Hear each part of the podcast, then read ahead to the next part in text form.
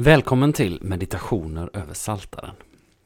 Tanken med de här inspelningarna, eller den här podcasten om man så vill, är att utifrån en vers ifrån Saltaren i Gamla Testamentet säga något litet som förhoppningsvis får bli till inspiration eller uppbyggelse eller fördjupning för dig som lyssnar. Alltså en vers ifrån Saltaren, några ord utifrån den versen och så en smula stilla musik. Varmt välkommen att lyssna.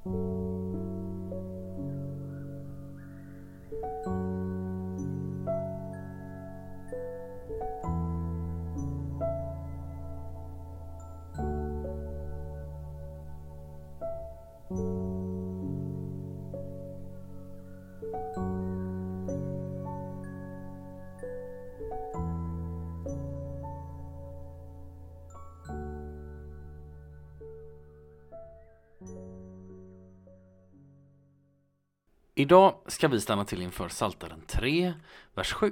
Och jag börjar därför med att läsa Saltarens tredje psalm i dess helhet. Där står det så här. En psalm av David när han flydde för sin son Absalom. Herre, mina fiender är många. Många reser sig mot mig, många säger om mig, han får ingen hjälp av Gud. Men du, Herre, är min sköld och min ära. Du är den som ger mig seger. Jag ropar högt till Herren och han svarar från sitt heliga berg. Jag lade mig ner, jag sov, jag vaknade. Herren störde mig.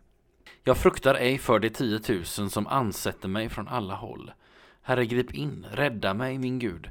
Du slår mina fiender på käken. Du krossar de gudlösas tänder. Hjälpen kommer från Herren. Ge välsignelse åt ditt folk.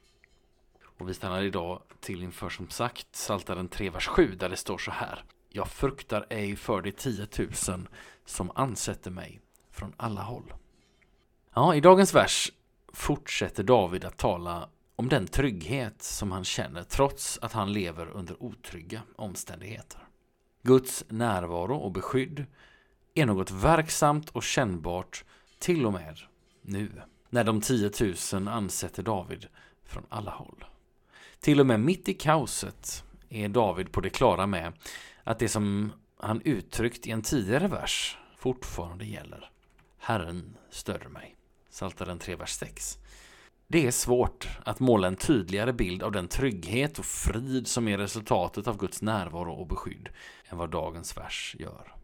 Davids ord påminner oss om det faktum att det är först i otryggheten som vi upptäcker tryggheten hos Gud. Eller annorlunda uttryckt, det är först när vi blir angripna som vi kan förstå vad det betyder att Gud är vår sköld. Talet om Guds omsorg och beskydd blir så mycket lättare att förstå och ta till sig om orden hänger samman med ett faktiskt sammanhang eller en faktisk erfarenhet. David uttrycker i en annan psalm hur han på ett liknande sätt skulle känna sig trygg om han befann sig i en hotfull eller farlig situation. Han säger då att om en krigsherr hotar mig känner jag ingen fruktan. Om kriget kommer är jag ändå trygg. Psaltaren 27, vers 3. Vilka omständigheterna är när David uttalar de orden vet vi inte. Vad vi däremot vet är att David verkligen är ansatt när han uttalar orden som i dagens vers. För i den inledande versen till den psalm som vi nu rör oss i, alltså Saltaren 3, vers 1, fick vi ju veta att den har sitt ursprung ifrån en period när David tvingades fly från Absalom, sin egen son. Så när David säger det han säger i dagens vers så kan vi vara säkra på att han talar av erfarenhet. Dagens vers är inte önsketänkande från Davids sida. Det är fakta utifrån praktisk erfarenhet. Det kan dock vara på sin plats att påpeka att all denna självklara förtröstan och bergfasta trygghet som kung David ger uttryck för, det är Guds verk. Av all den frid och tillförsikt som David åter och åter ger uttryck för i sina salmer här i Saltaren är inte en endaste smula hans egen förtjänst eller bedrift. Utgångspunkten för att vi ska kunna lära känna Gud och den frid och trygghet som finns hos honom är inte vårt sökande, utan att han har gett sig till känna. Hos profeten Sakarja uttrycks en princip som gäller också i det här sammanhanget. Varken med styrka eller makt, utan med min ande, säger Herren Sebaot. Den människa som läser i Saltaren och stöter på Davids förtröstan och trygghet, för den människan är frågan kanske inte så långt borta. Är det möjligt för mig att kunna uttrycka det David uttrycker? Kan jag få uppleva en sån trygghet och frid? Att jag kan säga som David i dagens vers, jag fruktar ej för de tiotusen som ansätter mig från alla håll. Svaret på den frågan är ja. Fortsätt läsa. För det är i sitt ord som Gud har lovat att möta oss och ge oss det vi behöver. För Guds ord är levande och verksamt. Hebreerbrevet 4, vers 12. Och det gör vad Gud vill. Jesaja 55, vers 11. Och Gud vill att alla människor ska räddas och komma till insikt om sanningen. Första Timoteusbrevet 2, vers 4. Låt oss be.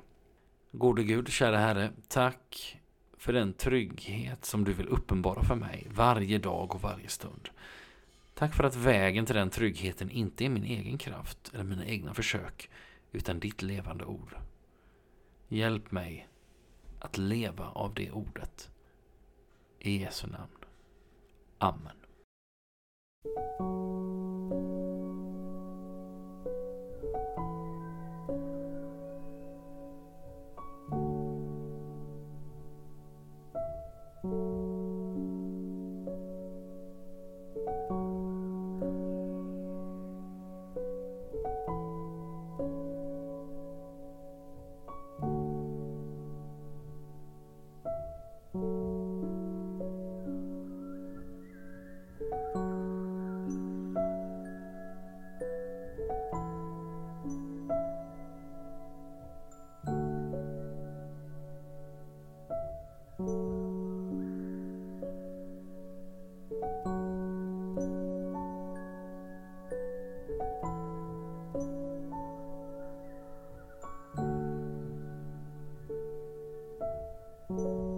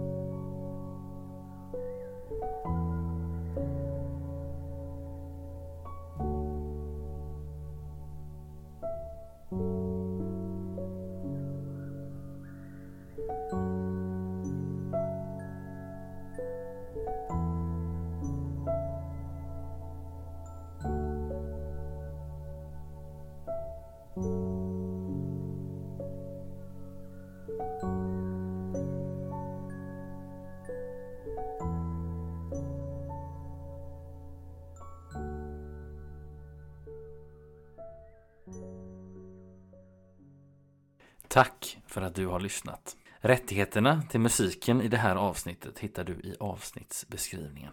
Tills vi hörs igen önskar jag dig allt gott och Guds rika välsignelse. Hej då!